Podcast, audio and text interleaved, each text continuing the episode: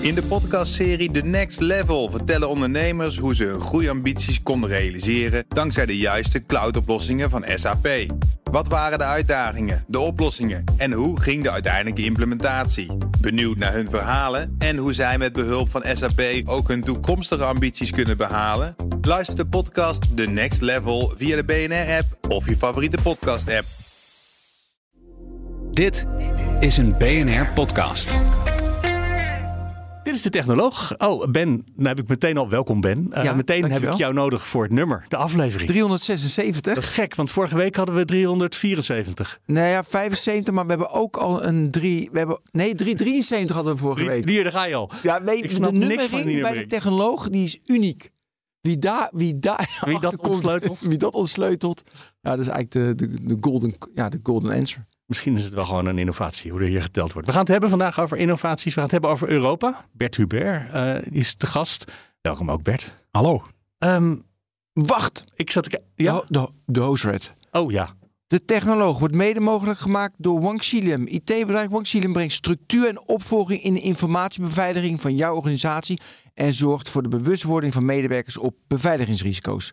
Wang Xilem, de IT-partner voor het veilig inrichten van digitale processen. Mooi. Waarvan akte? Waarvan akte? Bert, eh, ook over de Europese cloud moeten we het ook hebben. Ja, Want daar absoluut. praten we al een jaar of technologie bestaat meer dan zeven jaar. Al zeven jaar over met de Gaia X. En ze, nou, dat- het is echt één grote klerenzooi. Ik hoor al zolang ik leef, wij moeten een Europese cloud hebben. Maar ik leef langer dan de cloud er is. Dus misschien moeten we ja. beginnen eh, eerst met maar even de basis. We kregen ineens, iedereen moest naar de cloud. Kun je dat verklaren? Wat misten we in, als we normaal een servertje eh, onder, onder in de gangkast hadden? Ja, wat misten we eigenlijk? Nou, toen, kijk, toen de cloud begon, stelde het nog niet zo heel veel voor. Dus toen, toen waren het eigenlijk meer gewoon servers die je kon huren ergens. En een datacenter hebben is best wel ingrijpend. Daar heb je koeling voor nodig, elektriciteit, experts. En als je het niet goed doet, dan vliegt het in brand. Eh, dus al vrij snel werd het aantrekkelijk om te zeggen van... nou, ik heb mijn server niet in mijn kantoor, maar ik heb hem in een datacenter. En een tijdje later werd het nog, ging nog verder. Dus nou, je kan die server, je hoeft die server helemaal niet meer te hebben. Eh, je kan gewoon een virtuele server afnemen. En zo langzamerhand verhuisde zeg maar, de server van het kantoor naar een datacenter naar een virtuele beschikbaar gestelde functionaliteit. En dat soort bewegingen zijn al ontzettend oud. Bijvoorbeeld vroeger toen het elektriciteitsnetwerk werd gemaakt, moest je je eigen elektriciteit opwekken. Eh, dat ging ook niet altijd goed. En toen langzamerhand werd dat een nutsvoorziening. Dat er in één keer voor ons allemaal elektriciteit werd opgewekt. En nu zijn alleen enorme specialisten kunnen nog hun eigen elektriciteit opwekken. Bijvoorbeeld BNR heeft een noodstroominstallatie, waardoor ze ook tijdens stroomstoringen nog kunnen uitzenden, omdat het een maatschappelijk belangrijke functie is. En dat werkt ook heel aardig. We hebben, ik heb vernomen dat het werkt. Dat is ook best bijzonder, want de meeste noodstroominstallaties werken niet. Ehm, maar goed, de cloud begon dus als een computer, een virtuele computer. En toen langzamerhand kwam er eigenlijk ook virtuele diensten bij. Dus een database. En eh nou, databases bestonden al natuurlijk. Als je zelf een database koopt, dan zeg je nou, er kan, zoveel data kan erin. En als die vol is, dan moet ik een grotere database kopen of een ander type database. En toen kwamen de cloud mensen met eigenlijk oneindige databases. En van, joh, je kan hier net zoveel data in stoppen als je wil. Hij is nooit vol. Ehm, je creditcard gaat, gaat wel leeg. Eh, want de rekeningen die eruit komen zijn is ook oneindig. Ja. Die is ook maar oneindig. Ben, jij zegt we moeten het hebben over innovatie. Dus we gaan het hebben over de cloud in Europa. Terwijl clouds bestaan al. Waarom moeten we het daarover hebben dan? Nou ja, kijk, we zijn heel erg. Kijk, er zijn de, de AWS is de grootste van Amazon. En als tweede hebben we Azure, wordt van Microsoft. En Google die probeert vanaf 2009 uit mijn hoofd heel snel ook marktaandeel. En dat, dat doen ze prima. Zijn nu de derde partij. En hebben we de Oracle Cloud. Maar het is alleen maar Amerikaanse bedrijven die hebben een cloud. En we hebben in Europa ook gewoon cloudbedrijven. Ja, dus maar er valt we toch ook. niet meer zoveel aan te innoveren. De- Dus wat heeft dat met innovatie te maken? Zo'n cloud is een harde schijf ergens in het netwerk en kennelijk met een mailservertje ernaast. Nee, dat, dus Bert heeft een hele mooie artikel geschreven, een hele mooie analogie met IKEA gemaakt, wat je allemaal op die cloud doet. Hoe zit dat Wat met je- Ikea, Bert? Nou, je moet zo zien, die clouds die begonnen dus uit te breiden. Dus je kon eerst zo'n zo'n virtuele database krijgen. En, eh, en toen kon je daar ook een, eh, eh, een webwinkel kon je er huren. En oneindige dataopslag voor bestanden. En toen kwamen er AI-modules. En inmiddels, als je de menukaart van Amazon Web Services bekijkt. nou, je lokale Chinees kan er nog een puntje aan zagen met de menu 143. Eh, honderden opties. Je kan een satelliet grondstation bestellen bij Amazon.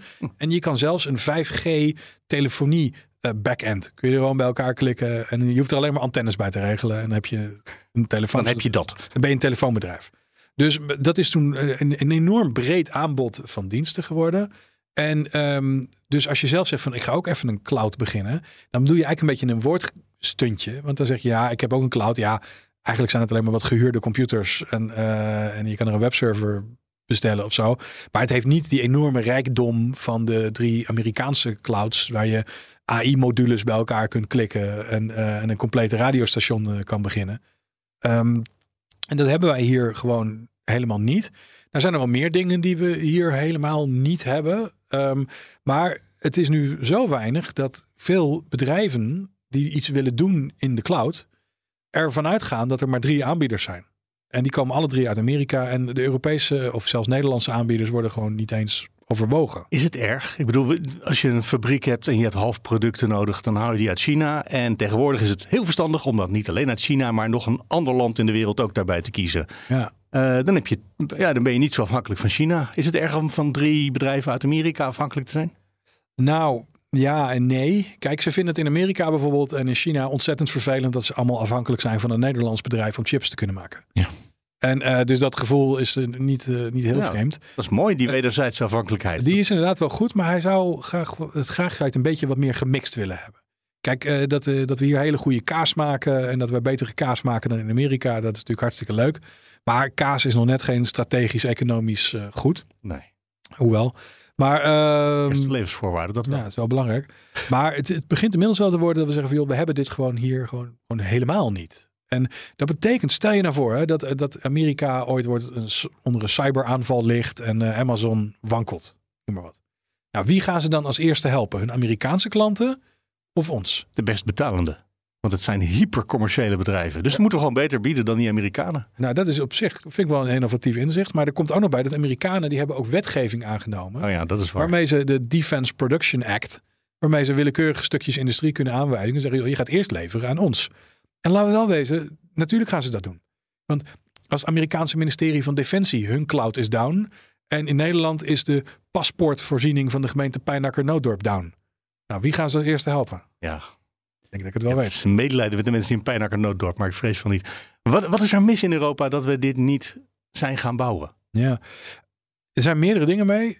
En je kan er wel een grote analyse. Soms kun je je afvragen, hoe is het Is het misgegaan? cultuur? Is het economie? Is het Ik denk- ik- overheden? Combinatie. oh, het is wel een drie. combinatie. Maar er zijn wel een paar dingen. Het is één inderdaad. eh, ik wil bijvoorbeeld stroomrekening, wil ik even noemen. Stroom is onwijs veel duurder in Europa dan in Amerika. Factoren duurder. Dus, en eh, servers gebruiken nogal veel stroom. Dus als je dit in Europa ook had willen opwekken, was je sowieso al duurder geweest. Dat is een beginnetje. En toch voor de snelheid staan, staan die servers van Amazon toch gewoon in Europa. Nou, is wel zo, maar als je. Voor eh, Europese stroomrekeningen. Dat is wel zo, maar, de, maar het is toch een stuk groter deel van je, van je, ja, je financiële begin, zeg maar, wat je moet gaan doen. Oké. Maar daarnaast is het ook, kijk, je hebt al vrij snel dat effect als er al een cloud is. En je denkt, nou, ik wil dat ook gaan doen. Dan moet je echt wel weten waarom jij beter en sneller en goedkoper gaat zijn. Dus je kunt niet zomaar zeggen, ik doe er ook eentje. Want dan ben je een Amazon cloud, maar dan duurder. Maar niet noodzakelijk beter. Of zo. Dat is helemaal niet, niet aantrekkelijk. Dus wij hebben hier niet de innovatiekracht gehad om te zeggen van, joh, weet je wat? Eh, bijvoorbeeld hadden we kunnen zeggen, wij beginnen ook een cloud, maar dat doen we met energie-efficiëntere chips. Dan hadden we een slag kunnen maken. En dan had je kunnen zeggen, joh, ik kan gewoon meer cloud per euro verkopen dan Amazon per dollar. En die cultuur hebben we hier gewoon niet. Wij willen graag van tevoren zien van, joh, ik wil een businessplan zien. En dat businessplan gaat zoveel euro per jaar opleveren en een winstmarge van 7%.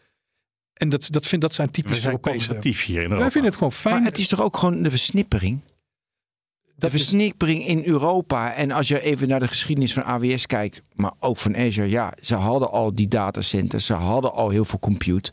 En eh, ja, wanneer het niet wordt gebruikt, het cliché, dan kan je het voor anderen, dan kunnen anderen het gebruiken.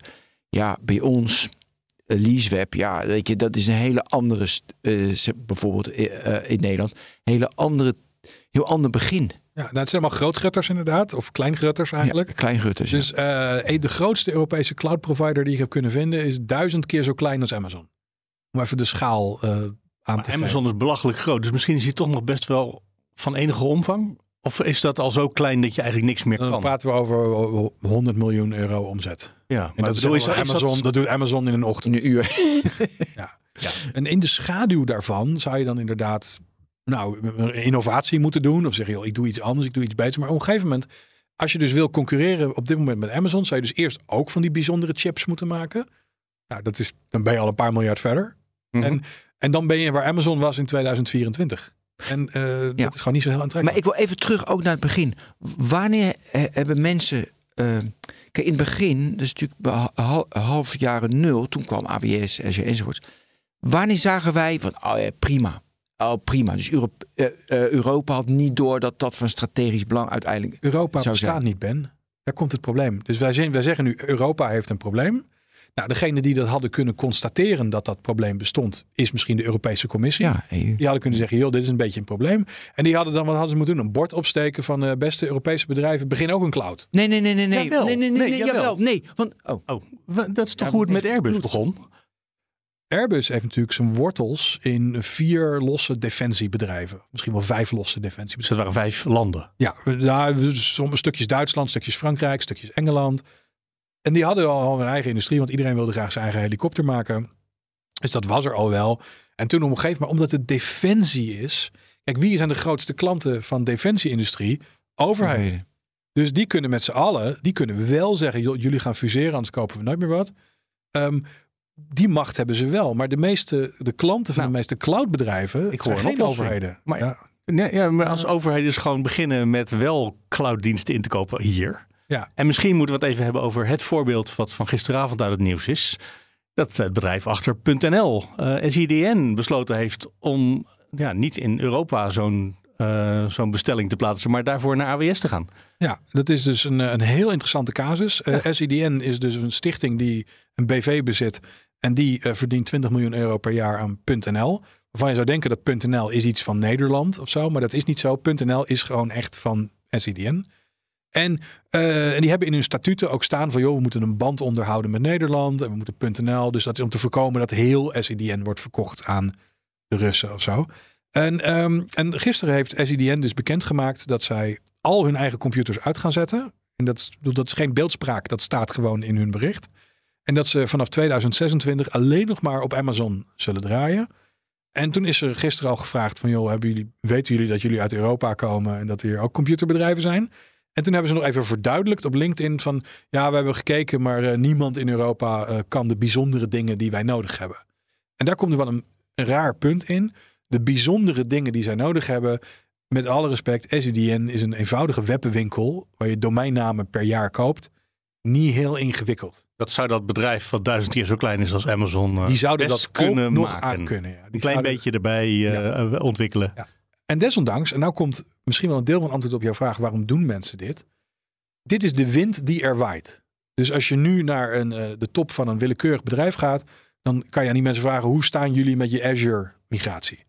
Hoe gaat het met jullie Amazon-migratie? En als je dan zegt van nou, daar zijn we eigenlijk niet zo mee bezig. Dan, nou, dat wordt een heel vervelend. Nee. Dat wordt een heel Ja, raar gesprek. Dat is gek. Daar wordt, dan, ben je, dan ben je gek. Dan Ja. ben je raar. En wat ze nu bij eh SCDN, die .nl beheren, is een bijzondere club.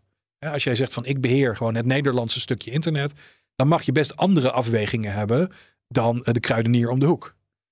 Maar omdat je steeds normale ICT-mensen in dienst neemt, komt langzaam die vibe van joh, waarom zijn jullie nog niet verhuisd naar Amazon? En dan verhuis je uiteindelijk je hele .nl-domein ook naar Amerika. Waarmee we achteraan in de rij komen te staan naast uh, Pijnakker Nooddorp was het geloof ik hè? Ja, als er dus storingen zouden zijn. Maar dat is best heftig als Ik- het hele ja. .nl-domein ineens Ja, kapot is. ja nou, het, het goede nieuws is ook dat Voor een eh, er vandaag kamervragen zijn ingediend over deze Door beweging. Eh, door D66, GroenLinks en PvdA, minimaal. Ehm, want gisteren hebben een heleboel mensen aan de bel getrokken. Die hebben gezegd, joh, dit kan toch niet dat we .nl gewoon Ja. zonder enig slag of stoot gewoon... eh, want ze hadden hun software, op dit moment draait .nl ook nog op Nederlandse software. Ze, daar stoppen we ook mee. We gaan voortaan dat laten draaien door de mensen die .canada.ca beheren. Dat hoeven we ook niet meer te doen. En uiteindelijk staat er dan dus een vrij groot kantoor in Ze Arnhem. worden eigenlijk een merk van een Canadees bedrijf. Ja, een brand. Ja, dat is Ja. wel een. eh er werken ook veel maar meer. dat is toch gek om als je bedrijf zegt, weet je wat, we reduceren onszelf van een relevant bedrijf tot een merk. Ja, maar daar zit een BV onder. Ja, dat, dat zei Ja, maar kijk, het is, het, om even aan te geven. Hè, je Ja. hebt in Nederland heb je een telecommunicatiebedrijf. Dat heet, eh, dat zullen jullie wel kennen. Het heet KPN. En eh, daar kan je webhosting eh, huren en dat soort dingen. En dan kijk je, waar draait de website van KPN? Die draait bij Amazon. Ongetwijfeld. Want KPN zelf heeft gezegd, van, ja, websites beheren, dat vinden we eigenlijk een beetje te moeilijk. Dus dat besteden we ook maar graag uit. Dus zover is inmiddels die, die neiging gegaan. Ze zeggen, van, joh, eigenlijk techniek, dat, we- eigenlijk willen wij helemaal geen techniek. En dat komt een beetje terug op jouw vraag, waarom hebben we geen Amazon in Europa? Wij zijn hier eigenlijk toch wat meer van de intellectueel We zijn eigendom. meer van de marketing dan van de, de van de marketing. de grootste, de grootste bedrijven in Europa zijn op dit moment Louis Vuitton eh, en andere luxe ja, ja, bedrijven. ja, ja, ja, ja. En ja, het, het, het zit hem hier gewoon niet zo lekker, technologie. Ja, maar dan, maar dan eh, dus ga dan ik is een het beetje toch wiebelen. cultureel. Jij gaat wiebelen. Mag. Nee, ik ga wiebelen, want oké, maar we hebben wel ASML, weet je wel? En we we snappen allemaal het belang dat we iets met technologie doen. En natuurlijk brand en luxury goods is hartstikke belangrijk. Maar er zijn best wel hele slimme mensen in Brussel en ook in Den Haag die snappen van, dat is, dat is niet zo handig. Eh, dus er zijn allemaal programma's om te stimuleren dat wij meer in fundamentele technologie iets meer gaan doen. En dan worden allemaal, weet je, photonics wordt genoemd, quantum wordt genoemd en 6G wordt genoemd. Daar moeten we in investeren. Maar dat is allemaal toekomst. Ik wil eerst nog heel even naar de geschiedenis. Ik moest denken toen in de jaren nul, hè, toen we, toen we de, wanneer is het belang gezien van hey, het is best wel goed dat wij zelf een, een grote, eh, een groot cloudbedrijf zouden hebben, à la AWS. Dat is laat ingezien. Toen dacht ik aan Horizon 2020. Er zijn gewoon programma's om te stimuleren dat wij meer technologie krijgen. Ja. Nou, voor mij is er weinig uit Horizon 2020 gekomen. Ik zit niet nu top of mind. Heb jij dingen dat je denkt van dat is een succes geweest? Ja, kijk, Horizon 2020 gaat echt, of tegenwoordig Horizon Europe, want het is na 2020. eh, dat gaat echt om honderden miljarden aan onderzoeksfinanciering. En uiteindelijk komt daar echt wel een keer een nieuwe ASML uit of zo. Maar dat bestelt geen concrete dingen. Nou, de Europese Unie heeft wel af en toe op een gegeven moment gezegd van Europa moet zijn eigen GPS hebben. Ja. Want wij kunnen niet eh, afhankelijk zijn van de Amerikaanse of de Russische GPS'en. Eh, dus en, en daarnaast was er ook de Europese ruimtevaartindustrie had ook zoiets van, joh, geef ons wat te doen. Ja. Toen hebben ze eh, dik 10 miljard euro uitgegeven aan een Europees GPS-systeem.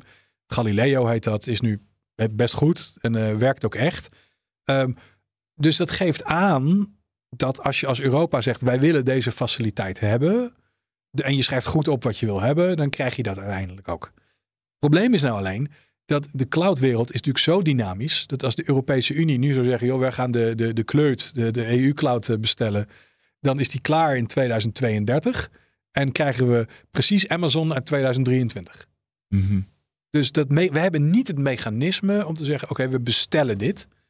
Eh, want Maar dat, is een hopeloze positie. Oké, ja, Dat is een hopeloze positie. Dus hoe doorbreek je zoiets? Nou, ik zie eigenlijk maar één pad om dit te doorbreken. En op dit moment maken de Europese overheden het eigenlijk alleen maar erger. Want ook zij hebben gezegd: wij willen alleen nog maar Azure bij Microsoft kopen. We zijn helemaal niet geïnteresseerd in lokale bedrijven. Maar we want- wilden strategisch onafhankelijk zijn. Ja, maar Dus nou komt die, gek. de Ja. mensen die de IT-aanbestedingen doen, die hebben niks te maken met jouw beleid. Dat zijn gewoon loodgieters en die willen de goedkoopste leiding hebben en die willen de normaalste cloud krijgen de hebben. opdracht om de goedkoopste Die leiding. krijgen de opdracht, die krijgen zelfs de wettelijke opdracht, Wettelijke opdracht. om de, de lowest cost compliance solution te kopen. Dus die, die hebben de wettelijke plicht om te zeggen van oké, en die plicht eindigt ermee dat je al die spullen bij Microsoft en Amazon koopt. Ja, dat hoeft niet. Als je de opdracht, eh, als je erin schrijft en het moet uit Europa Ja, komen. maar nu komt er een heel raar fenomeen. Je hebt dus de aanbestedingswetgeving. En het is als een soort, soort spook. Niemand leest dat ding ooit, maar iedereen heeft er wel meningen over. Dus als je zegt van, joh, ik wil graag ehm, als Nederlands bedrijf... of als Nederlandse overheid wil ik graag deze dienst exclusief afnemen bij een Europees bedrijf. Dan zeggen alle mensen, nee, nee, je kan niemand uitsluiten in een aanbesteding. En dat klopt. In een aanbesteding mag je niet opschrijven. Dat is wel heel fascinerend. Vroeger mocht je nog zeggen, het moet- moet alleen een EU-land zijn. Toen heeft de Amerika gelobbyd. Dus dat Oh, die is heeft een, eruit gelopen. ja, die heeft dat eruit gekregen. Maar dan is de oplossing dat het een afdeling ergens in een ambtenarengang moet zijn. Nou, en dan is het dus, het blijkt, maar het blijkt dus mag dat, je het zelf regelen. Ja, maar nou, dat kom ik zo even op terug. Maar het blijkt dat als je die aanbestedingswet... Ik ben die wet dus maar een keer gaan lezen. Hè? Want iedereen zei altijd wat erin stond. En dus, waar staat dat dan, wat je nou zegt? Dus, ja, dat weet ik niet. Dus ik ben het toch maar eens een keer gaan lezen. Ik heb een mooi dik boek over gekocht. Super duur boek trouwens. Eh, die aanbestedingsmensen die weten hoe ze dure boeken moeten maken. Mhm. Maar wat blijkt nou? Je kan heel makkelijk zeggen van... joh, ik wil een e-mailoplossing hebben. Iedereen mag meedoen met de aanbesteding. Vind ik, hartstikke prima. Maar een van mijn gunningsvoorwaarden is dat jij niet onder de Amerikaanse afluisterwetgeving mag vallen. Nou, effectief gezien heb je daarmee gezegd: ik wil een Europese aanbieder. Dat kan gewoon. Maar men doet het niet. Nou, en ik zei dus net eerst: wij maken het in Europa als overheden eigenlijk alleen maar erger. Doordat wij als eerste in de rij staan om alles aan Amerika te geven. Mhm. Maar overheden zouden dus omgekeerd wel degelijk een rol kunnen hebben om de Europese industrie te stimuleren. Door bijvoorbeeld te zeggen van joh, onze verkiezingssoftware uh, of onze e-mailsoftware mag alleen maar geleverd worden door een club die niet onder de Amerikaanse afluisterwet valt. En dan zou je dus weer een Europese industrie mogelijk maken. Dus dat is de, wat jij zei, er is maar één manier en dat is de enige manier. Maar dan mis je dus wel alle tools die nu AWS en Azure en alle. Nee, dan ben je dan, maar dan je moet Dan ergens je- beginnen. Hè? Je moet ergens beginnen. Je moet zeggen, joh, dit zijn onze kernproducten. Ik wil graag dat de gemeente Pijnakker Noodorp nog zijn eigen paspoortsoftware kan draaien in Nederland. En dat we niet onze paspoort aanvragen via een Amerikaanse server moeten doen. Ik denk dat we daar nu wel heel hard naar onderweg zijn, namelijk. Ehm, er zijn denk ik wel meer manieren om Dat, dit. dat meen je letterlijk? Dat Ja, als je een Nederlands paspoort hebt, dat er waarschijnlijk een fotootje en een vingerafdruk wordt geüpload naar een Amerikaanse server. Omdat ze Het is niet- het is niet- in het productieproces Ik zal je uitleggen hoe het. Het, het, is niet tegen te houden. Dus als je dus nu binnen de Nederlandse overheid zit. En je zegt van joh, ik heb mijn paspoort aanvraagsoftware waarmee dit allemaal gedaan wordt. En dan is er een partner die dat voor je doet. En die partner die moet compliant zijn aan allemaal regels.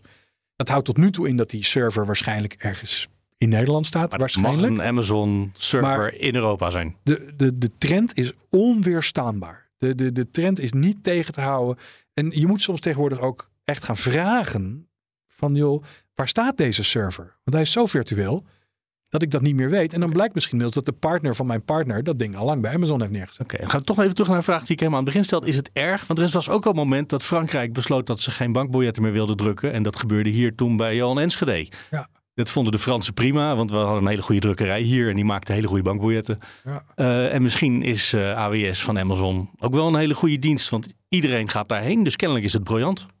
Ja, het is ook briljant. Laten we daar even voor opstellen. Ja. Mensen klagen er een hoop over, maar het is een supermooi spel. En dat maakt dus ook, als je mee wil concurreren, zal je eerst met betere spullen moeten komen. Maar ja, jouw vraag, is het nou erg? Of veel goedkoper. hè? Of veel goedkoper? Dat, dat werkt in Nederland al erg goed. Ja. Ja. Goedkope shit gaat hier heel goed. En als je gewoon simpele dingen hebt waarbij dus je dan- al die ja. fiets niet hoeft Maar dan kunnen we de ontwikkeling hier in. Nederland beginnen als het nog niet zo goed is, maar wel heel goedkoop. En dan de langzaam worden we dat Europese product inge... Nou hebben ze, Gerommeld. even een zijpaadje nemen. In Duitsland hebben ze dus daadwerkelijk de Lidl Cloud. In het kader van zeg maar, low-end van de markt. Maar dit is helemaal niet low-end van de markt. Blijkt dat Lidl en zijn moedermaatschappij hebben een omzet van 100 miljard euro. En het kon voor hun uit om hun eigen cloud te beginnen. En die heet StackIt. En, eh, en dat gaat best goed in Duitsland. Maar die heeft dus de, de onfortuinlijke naam de Lidl Cloud gekregen. Waar iedereen denkt dat het een soort ding is waar in kartonnen dozen servers op ergens liggen. Maar dat, dat valt dus best wel mee. Ehm, Is dat het begin van iets moois? ik denk dat dat wel eens het begin van iets moois zou kunnen zijn. Maar we raken steeds verder, verder weg van jouw vraag. Is Ja? het erg of niet? Daar Nou, die zit in mijn achterhoofd nog. Maar, Nou, ehm, is het, dan ga ik even terug. Is het het begin van iets moois? Dat zou wel kunnen, want wat blijkt, die Amazon Cloud is inmiddels echt best wel tof en hij kan alles. Maar wauw, wat is die duur? Ja. Oh, er komen rekeningen uit, joh. En die rekeningen, die zijn altijd een verrassing. Die zijn altijd nog veel hoger dan je dacht. En dan moet je terug gaan zoeken van hoe komt dat nou? En dan blijkt dat je ooit een keer drie jaar geleden een vinkje had aangezet. En dat vinkje is inmiddels twaalf keer zo duur geworden. En je hebt het vinkje nooit uitgezet. En de rekeningen die uit Amazon komen. Het blijkt dat de meeste bedrijven die dus hun datacenter opheffen. En dan de meeste van hun datacenter verhuizen naar Amazon. Dat zou een enorme kostenbesparing moeten opleveren. Maar dat is alleen op papier zo. En in de praktijk zit je daar van. Waarom geven we nu drie keer zoveel uit als servers als vorig jaar? Dat begrijp ik niet helemaal. Nou, daar ligt dus een en is kans. dat, ja, dat is een kans. Daar ligt zijn, dus maar zijn die, die twee of drie concurrenten uit de VS eh, goedkoper wat dat betreft? Of meer Nee, voorspelbaar wat Nee, dat ze betreft? zijn, eh, ze, ze Dus, variaties op een thema. Het is. De ene is duur in bandbreedte, de andere is duur met server. Maar zij werken allemaal eigenlijk op het systeem dat jij niet al te goed zit op te letten. En je developers die zeggen van ja, we hebben toch nog duizend extra cores nodig. En dat klikt iemand gewoon aan. En aan- op een gegeven moment zit je. Ik, ik heb zelf ook gehad. Ik kreeg een rekening van 1000 euro per maand. En ik heb nog steeds geen idee hoe dat kwam. En toen moest ik allemaal vinkjes weer uitzetten. En, en maar nou, dat Ze is zetten zelf vinkjes. Nee, dat is niet zo. Zelf nou, vinkjes aan. Nou, jawel. Amazon doet dat af en toe. Amazon doet het af en toe. Dus er is wel een prijskans. Dus het is niet helemaal hopeloos. Hè? Het, is niet, het is niet bijvoorbeeld als je, als je wil concurreren met, met Chinese elektronica. Dan ga je niet winnen. Want wij gaan hier niet goedkopere elektronica maken dan ze in China kunnen doen. Want wij zijn bezig met een milieu en wat andere dingen. Arbeidstijdenwet en zo. Ehm, er is dus wel degelijk financieel een kans om te kunnen eh, concurreren met ze. En En dat begint bij de Lidl. En maar dat- goed, toen nou, was de vraag, is ja. het erg? Is het nou erg of niet? Kijk, als je op een gegeven moment als continent iets gewoon helemaal niet meer kan. Kijk, er zijn vast nog er zijn meerdere bedrijven in, in Europa die nog de kennis, denk ik, nog hebben om bankbiljetten te drukken. Ehm, als die, ken, die cloud-kennis, en dan kom ik weer even terug op die SIDN-mensen als voorbeeld. SIDN die krijgen 20 miljoen euro per jaar om .nl te beheren. Dat zou een expertisecentrum moeten zijn. Die zouden met dat geld moeten zeggen, joh, wij zijn onwijs goed met domeinnamen en internet. En wij zijn heel, geheel bij met de nieuwste ontwikkelingen. En als je dan zegt van nou, maar weet je wat, wij gaan dat, ja, wij kunnen dat niet meer zelf. Wij gaan dat geheel uitbesteden. Dan lekt die kennis gewoon weg. En uiteindelijk, kijk, dat ze in Amerika niet de kennis hebben om Louis Vuitton uh, handtassen te maken. Dat is natuurlijk schrijnend voor ze. Maar je kan die dag doorkomen zonder zo'n handtas. Ik ken mensen die daar problemen mee hebben, maar ja, toch. Maar, maar Bert, even zeg maar. Kijk, wat je kan ook, want we noemden ESA, eh, e we noemden, eh, weet je, Galileo, we noemden Airbus, dus heel erg in de, in de defensie.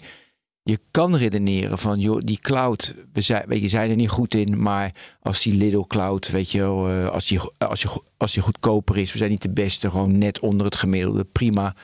Uh, maar we, we richten ons op, wat ik net noemde, fotonica, 6G, op, hey, op quantum, echt fundamentele technologie. Dan is er voor de machtspositie in Europa, naar mijn idee, weinig aan de hand. Ik bedoel, het is allemaal theorie wat ik nu zeg. Maar wat vind jij daarvan? Nou, laat ik een concreet voorbeeld noemen. Als je dus een van die uh, topsectoren die we hebben aangewezen in Nederland, waaronder die fotonica. We hebben trouwens 44 topsectoren aangewezen. Dus ze zullen allemaal wel top zijn. Um, stel je voor dat je daar een hele grote sloot computers voor nodig hebt. En, en wij, die zijn gewoon onbetaalbaar duur hier. Mhm. Eh, dan ben je echt gelimiteerd in wat je gaat doen. Want als je dus alleen maar klant bent van dit soort technologie, maar je hebt niet meer de kennis zelf in huis, dan moet je dus de list price betalen. Dan betaal je gewoon, dan kan je dus niet meer innoveren. Dan is het gewoon een vraag van meneer Amazon, wat, uh, hoeveel kost deze server? En als dat te veel is, dan zeg je, nou, kan het, nou, dan doen we het gewoon maar Ja, niet. maar hoe ik het zie, de Europese cloud is dan een soort little cloud. Goedkoop, weinig features uh, een beetje erop. En als je iets speciaals moet voor speciale dingen, dat je, want je gaf net een voorbeeld van dat je een eigen uh, telecomnetwerk 5G, zou ik niet doen, maar stel je voor dat je dat wil, dan uh, als je dat lokaal ergens wil, ergens in Estland, nou, dan ga je wel op AWS, want dat is een specifiek doeleind dat je hebt, of een IoT-oplossing specifiek, dan doe je het wel. Maar voor de standaard dingen kunnen we en ontwikkelen tegelijkertijd die Little Cloud of een, of een andere Europese cloud, dat we wel essentiële features zelf gaan beheersen op die cloud. Je zou het voor specifieke niches kunnen doen. Dus je zou kunnen zeggen, joh, we hebben een communicatiecloud. En die biedt een steengoede videoconferencing en bestandsdeling aan en e-mail en al dat soort dingen. En zeg je dat is zo vitaal. Maar eigenlijk inmiddels weten we daar ook wel wat we willen. Dus dat zouden we wel kunnen special casen, zoals een programmeur dat zou noemen. En dat is wel, wel te doen. In bredere zin werkt het alleen weer niet zo. En dan kom je weer terug op dat, dat IKEA-verhaal van mij. Um, stel je voor, je hebt een IKEA en je weet die mensen hebben alles wat je ooit nodig zou hebben. Uh, en er is een andere winkel en die heeft maar de helft. Maar het zijn wel dezelfde spullen. Het zijn dezelfde kwaliteit, alleen gewoon de helft van het assortiment. Waarom zou je daar ooit heen gaan? Want je denkt, ja, dikke kans dat ik daarheen ga en dat ik dan net niet die stoel vind die ik moet hebben. Ik ga gewoon gelijk naar de IKEA. En dus als jij de markt op wil gaan met een halve Amazon. Ja. Het is makkelijker om de markt op te gaan met een 10% Amazon. Maar je zegt veel, die 10% die is gewoon eh, heel erg goed. Maar daarna heb je dat gat van die 90% eh, te overbruggen. Maar ik zie nog wel een toekomst waarin je zegt, joh, laten we dan beginnen met die steengoede communicatiecloud. Kijk, overheden zitten in een interessant hoekje. Hè? Want overheden zijn ook gewoon IT-consument op dit moment. En die worden dus nu allemaal geduwd richting de Microsoft Cloud. dat betekent dat zelfs de Nederlandse overheid en de Franse overheid binnenkort in een positie komen dat hun e-mail gewoon rechtstreeks wordt gedeeld met de Amerikaanse overheid. Dat steekt. Dat steekt toch wel. Dit steekt ook bij rechtbanken. Ik heb met één advocatenkantoor samengewerkt. Die probeerde een zaak te doen tegen Google. En die kwamen erachter dat ze dat niet konden doen. Want uh, al hun communicatie liep via Google. Dus dan, dan heb je dus een rechtszaak tegen Google. En dan moet je er maar hopen dat, dat Google belooft dat ze niet zullen spieken. Nou, zij kwamen erachter dat ze dat niet konden beloven. Uh, die situatie komen overheden nu ook in. En er is dus nu een kans om te zeggen: oké, kijk, nu kan je nog je eigen e-mail hosten. Je kan nog steeds je eigen computer. Het kan nog net. Maar het wordt Wat wel doen moeilijk. de overheden daar nu aan? Want dit signaleer jij. En Wat, wat is het plan daarvoor? Nou, het plan daarvoor en in Nederland heeft het plan is dus belachelijk. Het plan is dat, dat in Nederland heeft, heeft uh, de minister heeft gezegd, of staatssecretaris, die heeft gezegd van nou ja, uh, uh, steeds meer dingen worden alleen maar in de cloud aangeboden. En ook strategische dingen worden steeds meer alleen in de cloud aangeboden. En dat is prima. Dat is dus, men heeft dus in plaats van om te het zeggen... Plan is accepteren. Het plan is accepteren. En sterker nog, dat plan is vrij breed uitgeschreven. Waarin staat van, joh, uh, ja, je moet aan de juiste voorwaarden voldoen. Ja, dat, dat zijn dus allemaal stukken papier. Die je moet dus, men heeft gezegd van, joh, als jij 2,5 kilo met papier weet te vullen aan, aan toezeggingen, dan kan je je cloud desnoods in, in Noord-Korea neerzetten. Uh, als er maar gewoon iemand een handtekening onder heeft gezet, dat het allemaal oké okay is. Het is totaal naïef wat je beschrijft. Dat is totaal naïef, maar je moet je voorstellen, ik heb tegelijkertijd wel begrip voor die mensen. Want ik, ik ken deze situatie van behoorlijk nabij. Dat je zegt van, joh, ik heb, wij zijn een unieke club. Wij zijn een, misschien zijn we wel een inlichtingendienst. Misschien zijn we wel een toezichthouder van een inlichtingendienst. En dan moet je daar uitleggen van, wij zijn echt bijzonder. Onze gegevens kunnen niet zomaar de cloud in. Oké, okay, zegt hij, ja inderdaad, jullie zijn echt heel bijzonder. Je hebt helemaal gelijk. Je gaat op vakantie en je komt terug en er zitten weer allemaal mensen de migratie naar de cloud voor te bereiden. Want dat is wat IT'ers doen nu. Gewoon het hele omveld is, je verhuist al je spullen naar de cloud. Ook al ben je bijzonder. Dus ook in ziekenhuizen bijvoorbeeld. Uh, ik ben ooit een keer betrokken geweest bij een onderzoek. Zijn, zijn al die mensen opgepakt wegens het schenden van staatsgeheimen? Nee, want het is niet gebeurd. Dat is niet gebeurd. Uh, is niet gebeurd maar, maar, maar dat, is, je, dat, keertje, wel, dat is natuurlijk wel wat ja, had moeten gebeuren. Je keertje, komt, je keertje komt en je komt terug. En die mensen zijn weer bezig met dat project. En ik ben ook een keer betrokken geweest bij een onderzoek naar uh, ICT-storingen in ziekenhuizen en gevolgen voor patiënten. En die hebben precies hetzelfde verhaal. Dan zitten dus mensen zeggen, joh, die patiëntendossiers, die moeten het altijd doen. En die moeten op onze noodstroom zitten. En dan nog bleken er vrij veel ziekenhuizen te zijn die zeggen van nee, dat, ja, het staat in de cloud. En vervolgens ligt de cloud eruit, het hele ziekenhuis ligt stil. Want die mensen hebben de strijd verloren om uit te leggen van joh, wij moeten hier op zijn minst een backup hebben. En hoe vaak gaat dat fout voor dat mensen begrijpen dat je dat toch niet echt vaak goed genoeg, moet regelen? Niet vaak nee. genoeg. Er, is, er is een, was een ziekenhuis. Die AWS die, staat, ja. die draait wel gewoon altijd. Hij is ook best wel goed. Alleen ja. uh, er is ook een ziekenhuis hier in Amsterdam geweest. Die hadden, dus, die hadden het wel voorbereid. Die hadden een stroomstoring. Die bleken dus, er lagen allemaal laptops paraat. Met die in een gewoon opgeladen en al. Standalone. Met alle patiënten. Gesynchroniseerd met dat systeem. Ja, die werden iedere, normaal iedere, precies, die werden iedere dag gesynchroniseerd. En toen, de shit hit the fan, klap je je laptop open en dan hoop je dat het allemaal wel werkt natuurlijk. Maar heel veel andere ziekenhuizen hebben ze van, nee. Beetje duur. Nee, weet je wat dat kost allemaal. Ja. En uh, dus die, die, die bewegen, ja, dus, dus, dus even, even terug te komen. Waarom heeft de Nederlandse overheid nou een paper geschreven dat het prima is om alles naar de cloud te verhuizen? Ik denk dat ze eigenlijk geen andere optie hadden. Want de andere optie was om te zeggen: wij starten het uh, defensieproductiebedrijf IT of zo. En ik zeg van joh, wij gaan een eigen uitzonderlijke IT-organisatie doen. Om ons los te weken van deze trend die in de buitenwereld gebeurt. Ja, dat, ja, dat is een, klinkt, klinkt als goed. een logisch ja, idee. Ja, ik zou er zo gaan werken. Maar uh, nou, ja. ik weet niet of er al vacatures Ik vind het heel vermoeiend. Ja. Maar goed, we hadden. Ja, Waarom vermoeiend? Omdat het Omdat kansloos het beetje... gewoon is wat ik allemaal hoor. En ik wil okay, altijd naar nou, mogelijkheden okay, zoeken. Dan gaan we even terug naar de Airbus, want die is even voorbij gekomen. Dat kwam toen dat in het begin uh, van, van de grond kwam.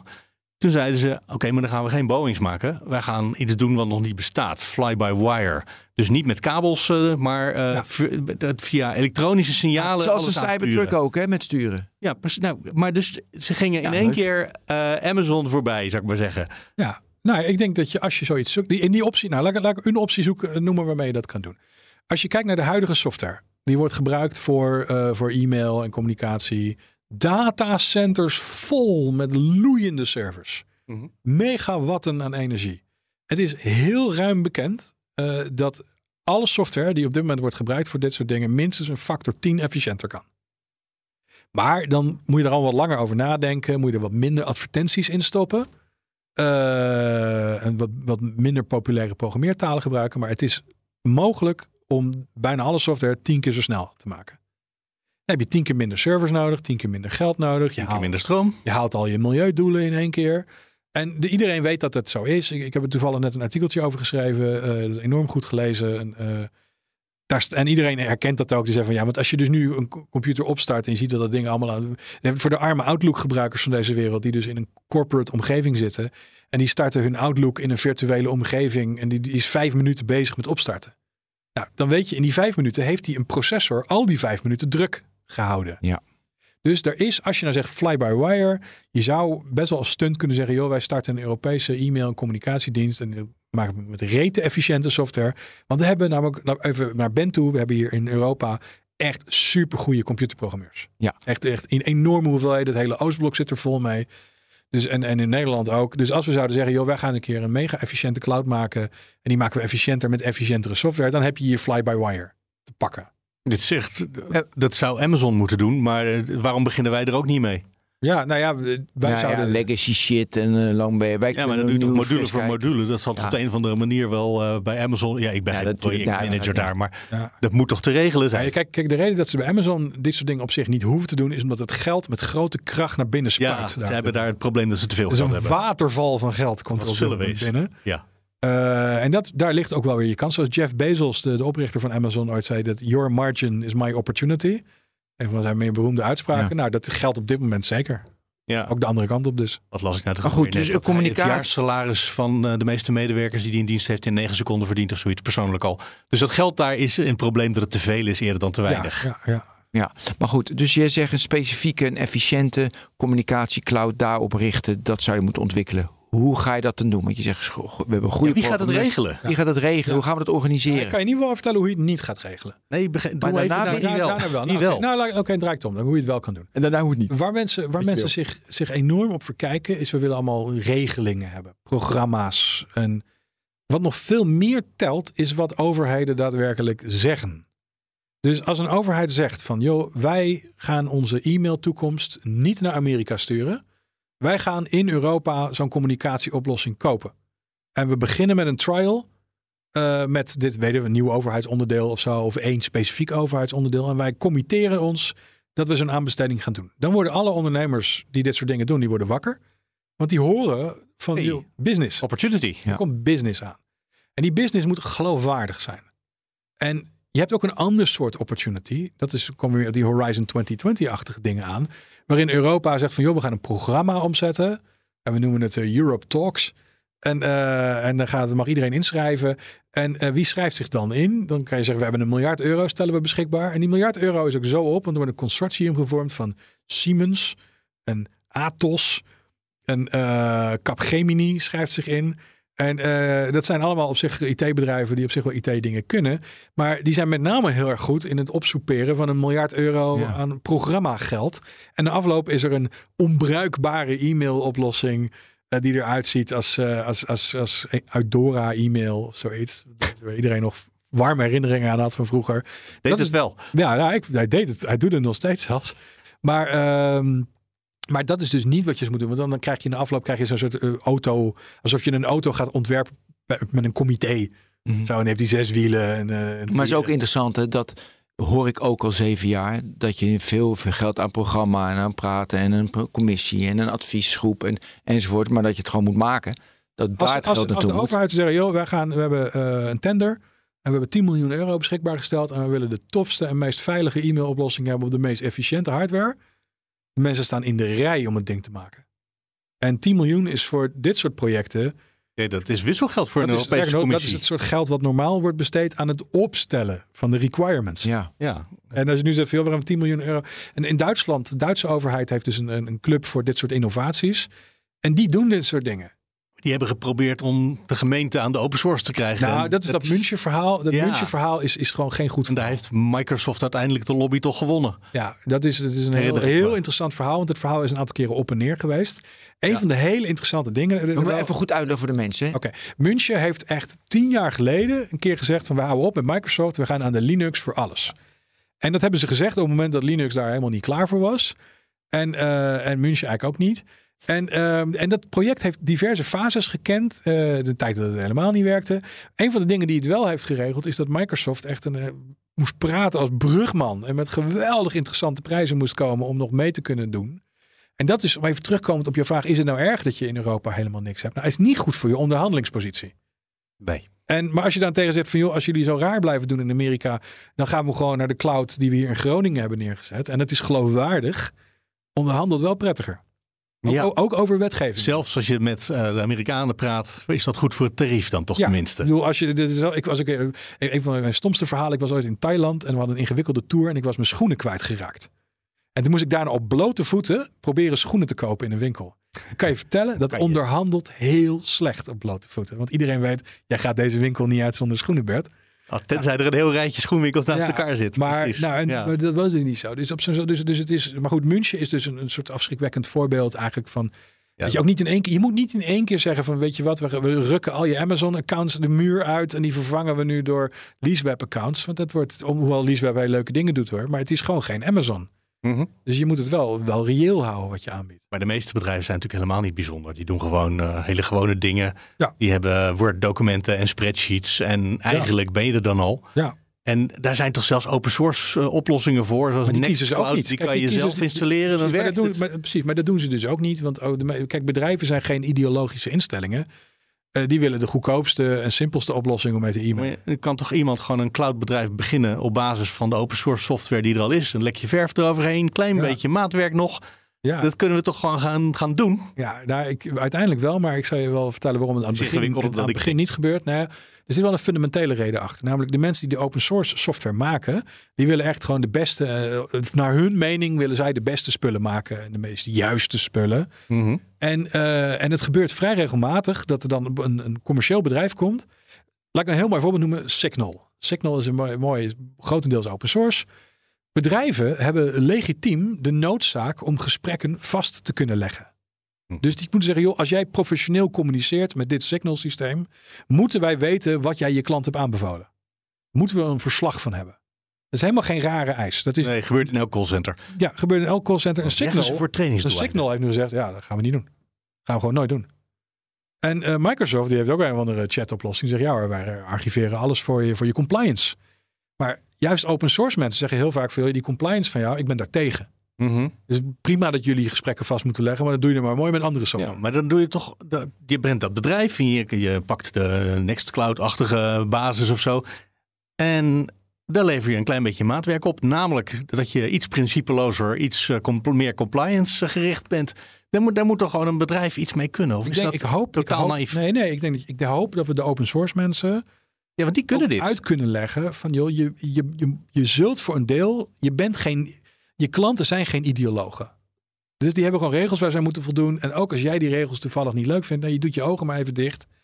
Ja, je Eh, maakt een businessversie en een versie zoals je hem zelf graag ja, had gezien. Of, of je denkt er maar wat langer over na. Maar ben, dit soort, ben haakt helemaal af. Die denkt, dit gaat nooit word, gebeuren. Ik word hier helemaal gek van. Maar ga maar door. Nee, nee, nee. nou ja, dit is, het is, maar goed, er, er, er is, er is wel een pad uit. Maar ook de open source mensen, kijk, die moeten dat, om even terug te komen. Stel je voor dat je, zegt, stel je voor dat je tegen Nextcloud zou zeggen, joh, jullie krijgen 10 miljoen euro als jullie die, die government-ready communicatieplatform maken. Maar nou, dan klussen ze die compliance module er wel in voor je hoor. Nou, maar dit, dit is exact wat ik doe. Want mijn vraag die ineens oppopte. Wat kost eigenlijk zo een, even een datacenter neerzetten die, je- die je dan kan gebruiken als cloud? En, eh, wat kost dat nou aan, voor de Lidl? Wat kost het nou aan capex om neer te zetten voor de Lidl? Dit bouwen we nu. We Ja. zorgen dat dit er is. Dat Nou, valt toch wel mee? Het aan de ene kant valt mee, maar er zijn bijvoorbeeld dus een andere Europese cloud club. Die wil ook aan de slag. Dat is een eh, Scandinavisch initiatief. En die hebben gezegd, we hebben 600 miljoen euro nodig. Dat is toch niks? Nou, ik heb het niet bij me op dit moment. Nee, Ben, maar even serieus. eh, Nee, maar, nee, maar dat is. op Europese schaal, dan kijk je praat al heel snel over de schaal van anderhalve euro per Europeaan per jaar. Nou, dat moeten we, moeten we kunnen vinden ergens. Eh, dus aan de ene kant is 600 miljoen euro natuurlijk een boel geld, maar aan de andere kant Nee. dat ook niet. Dat is niks. Dus dan begrijp ik niet dat in een of zo'n subsidieprogramma of hoe al die horizons allemaal heten en, en, en groeifondsen en noem alles maar op wat wordt verzonnen. Da, daar niet, weet je wel, 600 miljoen, weet je, 1,5 Is het gewoon miljard. toch niet cultureel dat inderdaad bedrijven vooral heel knap zijn in het binnen, binnenhengelen van overheidssubsidies, maar verder Nou, ja, in ieder geval, eh, niet ik- per se ondernemersgericht zijn. Ik weet wel één ding. Al die Europese subsidies die gaan allemaal om het ontwikkelen van intellectueel eigendom. Mhm. Dus als jij zegt, ik, ga van die, ik heb 600 miljoen Ja. euro nodig om daar eerst gewoon apparaten voor te kopen. Dan zeggen ze, nou die regel je maar zelf. En, eh, maar het salaris van de mensen die daarmee gaan programmeren, daar kunnen we het over hebben. Maar dit soort Nee, maar kijk- structuurfondsen... Kijk, als die, als die tenders, als je de kans echt vergroot dat overheden al gaan, gebruik gaan maken van die partij in Scandinavië, dan zijn er al investeerders die die 600 miljoen alvast eh, nou, als lening geven of als eer. maar dat zou beginnen, dat moet dan wel beginnen met een klantperspectief. Ja, nou, precies. En daar, dat begint, komt het weer terug met ja, dan komen we weer terug. een Ja. overheid die zeggen, joh, bijvoorbeeld, eh we hebben het, de, de, de, deze ziekenhuizen en die krijgen allemaal een Ja. e-mailsysteem. Ja. En, En, eh, al je programmeurs kunnen dus kennelijk heel goed tegen AWS aanpraten. En die weten nog niet precies wat ze met de concurrenten aan moeten. Nou, of valt dat snel te leren? eh, er zijn twee soorten programmeurs wat dat betreft. Je hebt zeg maar de architecten. Ja.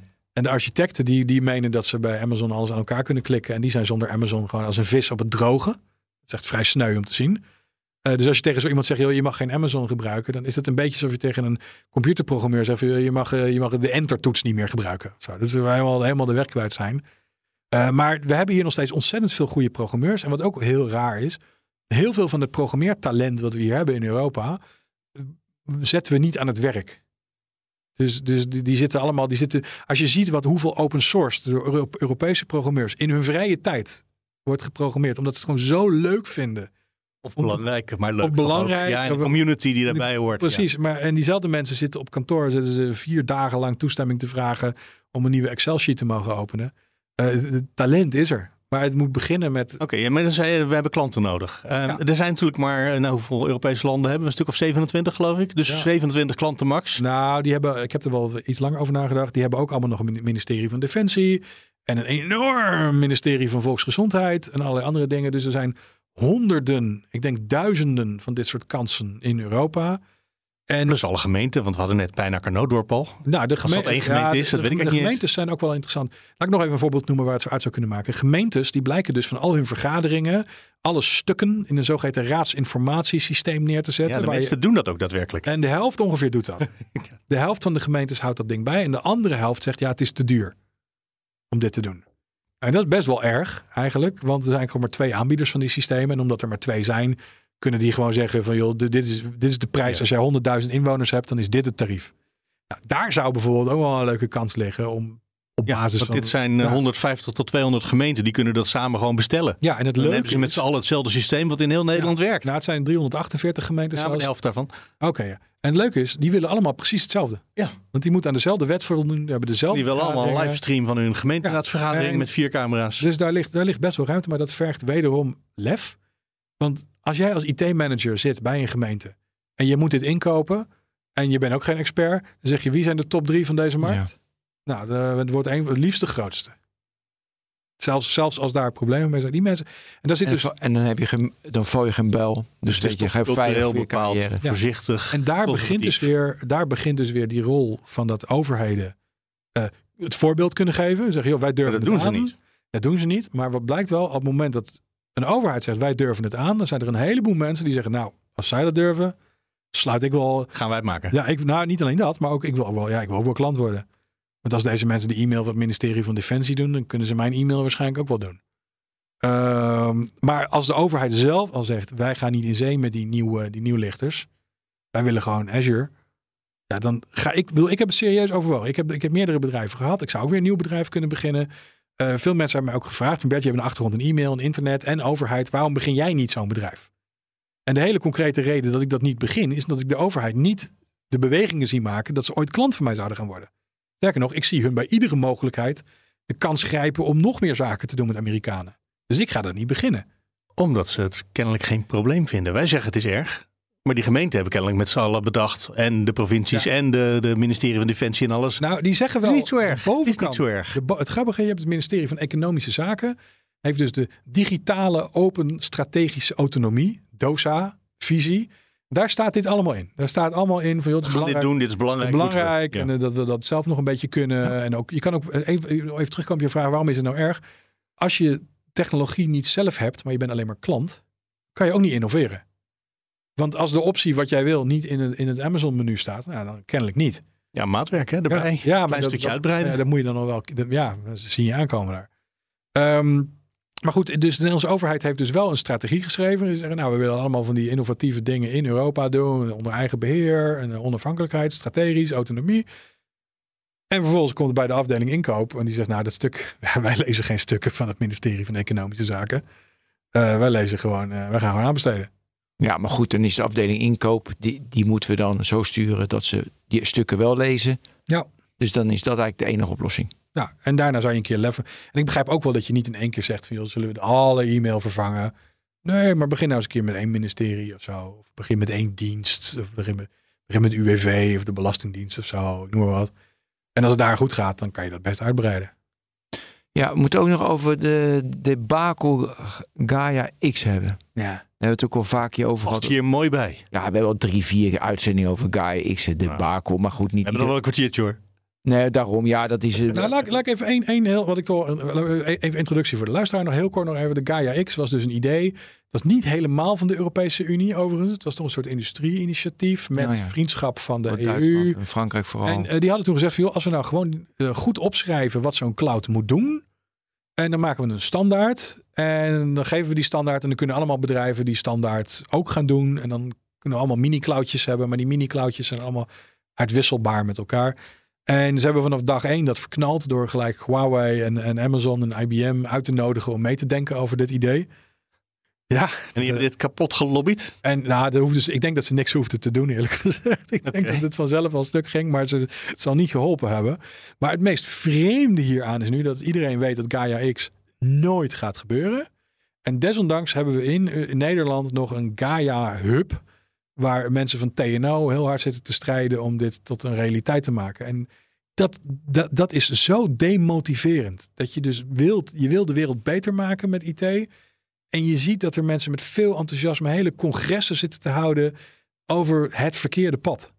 Waarvan iedereen weet dat het hem niet gaat worden. is. Het is gewoon Ja, ik heb kansloos. daar in jaren niemand meer over gehoord. Maar dat bestaat gewoon nog steeds. Ja, joh, project. ik- ik Is- heb- kan ik je heb- daar nog subsidie voor Ik, aanvragen? stromen. Ik bedoel, en ik, ik, was, Geweldig. ik, bedoel, ik, was, ik, ik een paar maanden geleden op een conferentie hierover. Die werd nog bijgewoond door, door de, de koning. Was er zelfs geweest om aan te geven hoe belangrijk het was. En ik zei dat toen op een podium. Dat Gaia X is een wassen neus. Nou, toen werden er ook partijmensen boos, joh. Want ja, dat was hun baan. Maar ondertussen, ik, niemand kan een Gaia X bestellen. Het gaat nooit iets worden. Eh, Het is luchtfietserij. Ze lachen zich in Amerika ook de bal uit hun broek over. Leren we er heel veel van? Dat zou nog kunnen in Ja, theorie. Dat het onderzoeksprojecten zijn eigenlijk. Nee, want er gebeurt ook niks. Hè? Dus als je nou zou zeggen van we zijn gewoon begonnen en Gaia X, GaiaX.eu draait op Gaia X of zo. Dan zou je zeggen we zijn al wat dingen aan het leren hier. Nee, er is gewoon niks om mee te leren. Het is een papieren traject, een papieren droom, waarmee je zeg maar op, op papier probeert een industrie te creëren. En nu word ik ook een beetje somber. Ja, nee, daar, ik wil ook sommen. Oké, nu zijn er weer allemaal, vooral in Nederland. Oh ja, hoe, hoe zie je de verhouding eh, Europa? Weet je, de, de, de Horizon hebben we al genoemd. En ook in Nederland. Het Groeifonds, weet je, dat wij hier ook... Hoe zie je die verhouding om het stimuleren van innovatie Europa versus Nederland? Ja, het is, eh, ik ben vrij nauw betrokken bij Horizon. Eh, ik ben zelfs een Horizon reviewer. Right. Dus ik moet dit soort proposals. Ik ben opgestapt omdat het zo'n ellende was. Heb je iets, even tussendoor, heb je iets gezien dat je dan van, wow, dat is toch wel erg goed? Nou, het was geen gek initiatief waar ik aan meegewerkt. Dus het was niet, het was niet zinloos. En heb je ook één review moeten doen dat je denkt van, wow, dat is goed, maar is niks geworden? Nee. En waar, wat heb je gereviewd wat iets geworden is en wat je ook goed vond? Er is nog niks wat ik gereviewd heb, is af. Maar noem eens Dus iets wat je dus gereviewd hebt wat ik, wa- waar wij blij van worden. Want Ik meer heb, even eh, blij worden nou, nou, nou, Oké, bijvoorbeeld wat men dus ges- gesubsidieerd had. Je hebt dus een precision agriculture. Ja. Dat houdt in dat jouw tractor precies op de juiste Ja, plek... gaaf. Dat is keigaaf en dat is eigenlijk best wel duur op dit moment. En met Galileo erbij en best wel off-the-shelf ontvangers... zou je veel nauwkeuriger dit kunnen doen. Ja, top idee. Ja, top idee. Had de markt eigenlijk vanzelf moeten doen. Want als het zo'n top idee is en je kan die spullen gewoon allemaal kopen, dan had het moeten gebeuren. Maar ja, het gebeurde nou helemaal niet. En dit was een initiatief om te zeggen, joh, we gaan al deze mensen bij elkaar brengen en die gaan het dan doen. En dat is toen vervallen tot een enorme wolle, kluwe wol van AI en machine learning en, en fraudebestrijding. En het werd een megalomaan project met, met 400 deelprojecten. En, eh, en ik hoop dat uit de as van dit project, ze hebben als onderdeel van het project hebben ze een, een ontvanger gemaakt. Dus, dus, dus zeggen deze onderdelen moet je kopen. En als je die in elkaar schroeft en je stopt hem op je tractor, dan ben je in Ja. business. En ik hoop dat dat ding herrijst uit de as van dit project. Als van, joh, dit hebben we dan toch nog gedaan. En dan hebben we een tractor die precies weet waar die is. Dat hij rechtstreeks naar Binnenhof kan rijden. En- precies. naar Met of zonder op de Berlijn. Oké, maar dat Ja. was niet de, even, dit was even voor de energie. Ja. Maar Nu toch, gaan we weer- want De verhouding. Dit nou, de verhouding. Ja. Ik denk eerlijk gezegd, ik zie, ik, kijk, ik ken de Horizon ken ik dan wel vrij goed, maar ik ken ook de Nederlandse. Ik heb ook Nederlandse innovatiesubsidies gehad en dat doe ik dus nooit meer. Want de essentie van die subsidies blijkt dat je van tevoren opschrijft wat je gaat doen. Krijg je. En dat moet je dan gaan doen. En als dan blijkt dat je niet precies dat gedaan hebt, dan moet je het eeuwig uitleggen. En het punt is, iedere ondernemer weet, als je iets begint, het wordt anders dan je dacht. Je, uit- Uiteindelijk heb je een ander product dan, dan beoogd. Of op een ander moment. Of voor een andere doelgroep. En ik heb nog trauma's. Ik ben al tijdenlang achtervolgd door de WBSO-mensen. Oh, WB zo. Ja, haat toch op. Dus no, voor mij betreft gewoon never again. gewoon als iemand nu zegt, en sterker nog, het is voor mij zelfs een negatieve indicator geworden. Dat als ik een ondernemer spreek die zegt van joh, ik ben bezig met subsidies voor mijn innovatie, dan tune ik eigenlijk al uit. Dan denk ik van joh, dit, dit, dit wordt niks. Want als jij. eh, Maar als iedereen toch weet dat je niet van tevoren weet waar je uitkomt. Nou, ze knijpen tegenwoordig wel een oogje toe. Dus de WBSO-mensen die weten dat ze gewoon dat, dat ze niet meer zo streng moeten zijn. Dus het is meer een inzetsubsidie nu dan een resultaatsubsidie. Maar nog steeds, het, het, het is niet hoe het. Kijk, het, het blijft. Het, het, het proberen te stimuleren van dit soort dingen moet je heel goed weten wat je stimuleert. Dus eigenlijk, en dat is volgens mij wat je net ook al zei, moet je dat als overheid helemaal niet proberen te subsidiëren. Want dat, dat, Nou ja, ik- dat ik- moeilijk vinden ze te moeilijk. Maar je kan wel zeggen, we gaan het kopen als jullie het maken. Nou, dat is wel stappen. Maar dan moet je het ook gaan doen daarna. Ja, dan en dat is de- natuurlijk moeilijk in de politiek en met ambtenaren Ja. die ook zo goedkoop mogelijk moeten werken. Maar nog even terugkomend, ik denk dat je dus in wat je wel degelijk innovatie kan aanjagen. Maar dan moet je de hoeveelheid papierwerk moet nou 90% minder. En de, de mensen die de processen beoordelen, men moet dan bijvoorbeeld echt, kijk, de EU, bijvoorbeeld, ik was dus een expert voor de EU voor de Horizon 2020. Want die hebben een call gedaan. We zoeken Galileo-experts. Ik ben een Galileo-expert. Ik kon eraan meedoen. Eh, de Nederlandse overheid, ik, ja, die schijnen ook zoiets te doen. Maar dikke kans dat jouw innovatiesubsidie wordt beoordeeld door iemand die toch maar bij voorkeur gaat controleren of je het formulier goed hebt ingevuld. Omdat hij niet, en juristen. Ja, niet om- per se eh, mensen niet die iemand- programmeren nee, kunnen. niet iemand die zegt van joh, ik snap je voorstel. Alleen ik vind het voorstel gewoon incompleet of zo. Ja. Of je slaat wat dingen over. Of ik ben bekend met het feit dat dit al een keer gedaan is. Hey, maar ook, ja, ook het dwingen van het papierwerk naar beneden. Ik ga Mark even een mooi verhaal vertellen. Mark, ik was jaren geleden was ik bij Thales en die maken radensystemen. Ja, zeker. En toen vertelden ze mij van ja, normaal gesproken waren we anderhalf jaar bezig met alle functies, beschrijvingen en pakken papier enzovoorts. Hebben ze radicaal, vertelden ze me, hebben ze dat veranderd. Eén A3 papiertje, voorkant, achterkant, wat wil je? En modulair gaan bouwen aan het radensysteem waar ze tien jaar aan bouwen, waar ze maar een paar van verkopen. Dan dacht ik, wow, dat vind ik wel een mooie manier dat ze dat... Ze Maar zeiden dat tegen kan mij. Thales. Die alleen maar heeft verantwoording Frans eh, verschuldigd zijn aan zichzelf en misschien aan- aandeelhouders. De aandeelhoudt Frankrijk en ook de Maar als je Nederlandse overheid. natuurlijk eh, vervolgens de 120 vragen van Pieter Omzicht achteraan krijgt eh, over de verantwoording, Ja, dan ja. zit je in een andere wereld. Het is Pieter Omzicht dus. Ja, niet het Pieter. Omtzigt, maar dat is iemand die erop nee. voor staat dat hij veel vragen stelt. Ja.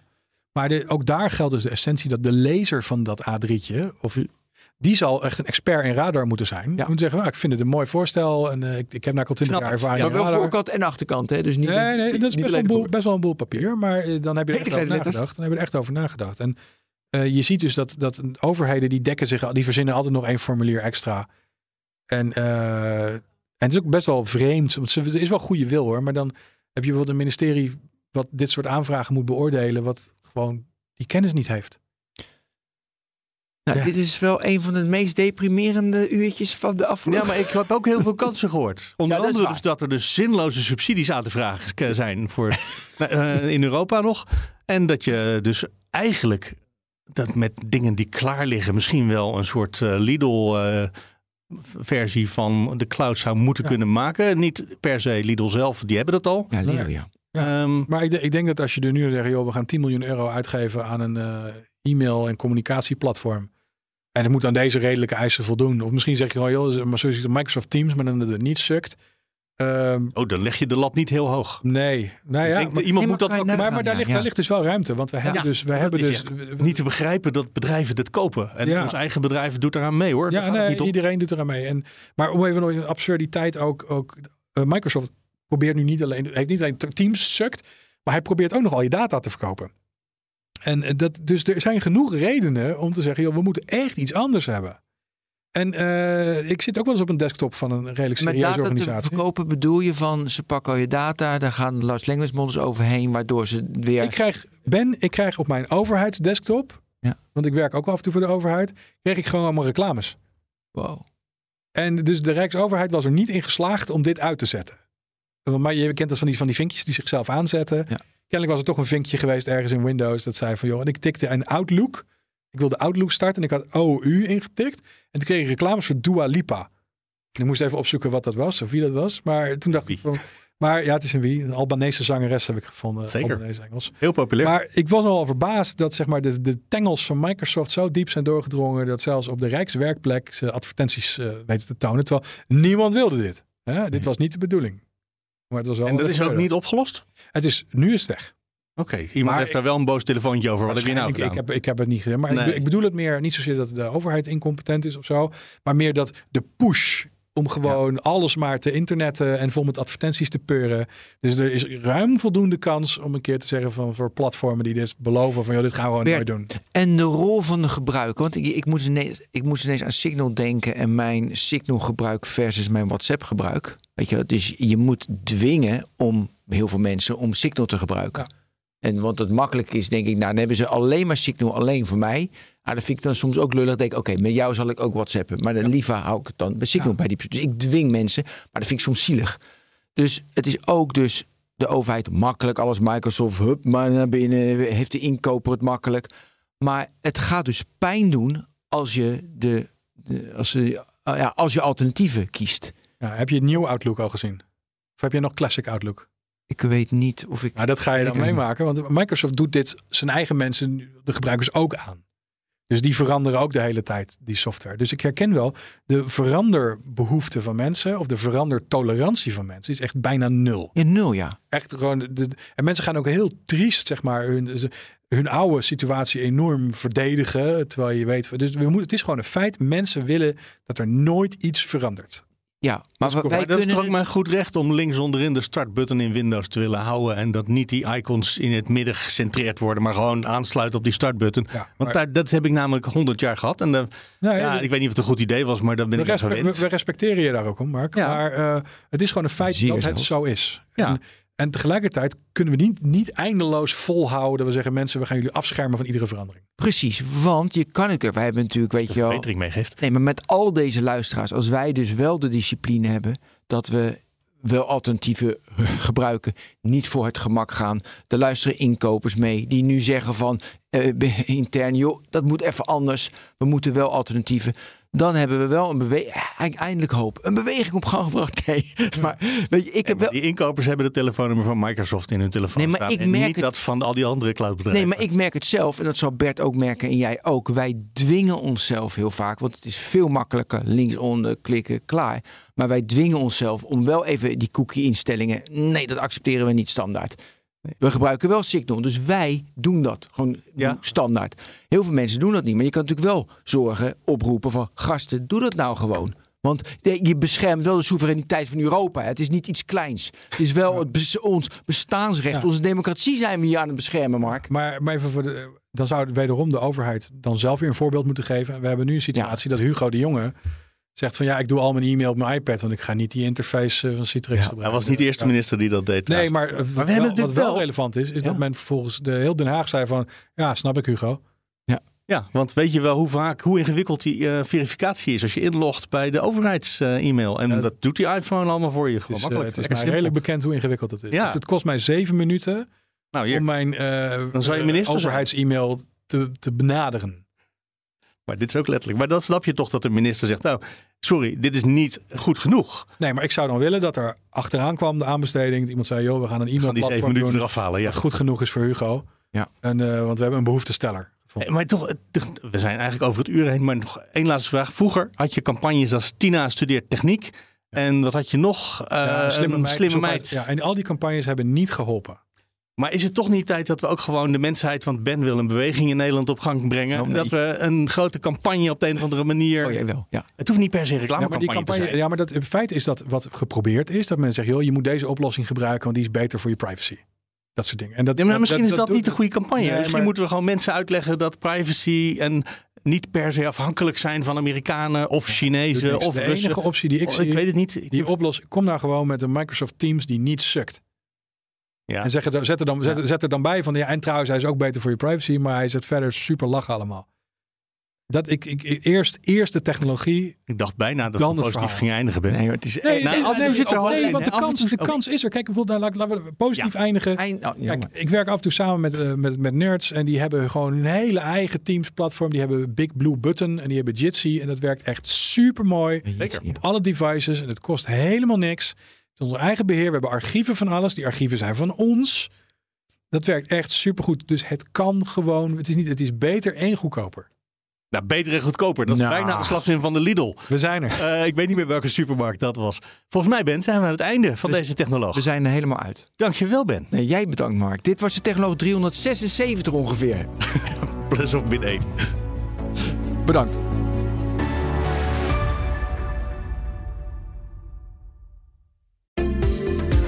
In de podcastserie The Next Level vertellen ondernemers hoe ze hun groeiambities konden realiseren dankzij de juiste cloudoplossingen van SAP. Wat waren de uitdagingen, de oplossingen en hoe ging de uiteindelijke implementatie? Benieuwd naar hun verhalen en hoe zij met behulp van SAP ook hun toekomstige ambities kunnen behalen? Luister de podcast The Next Level via de BNR-app of je favoriete podcast-app.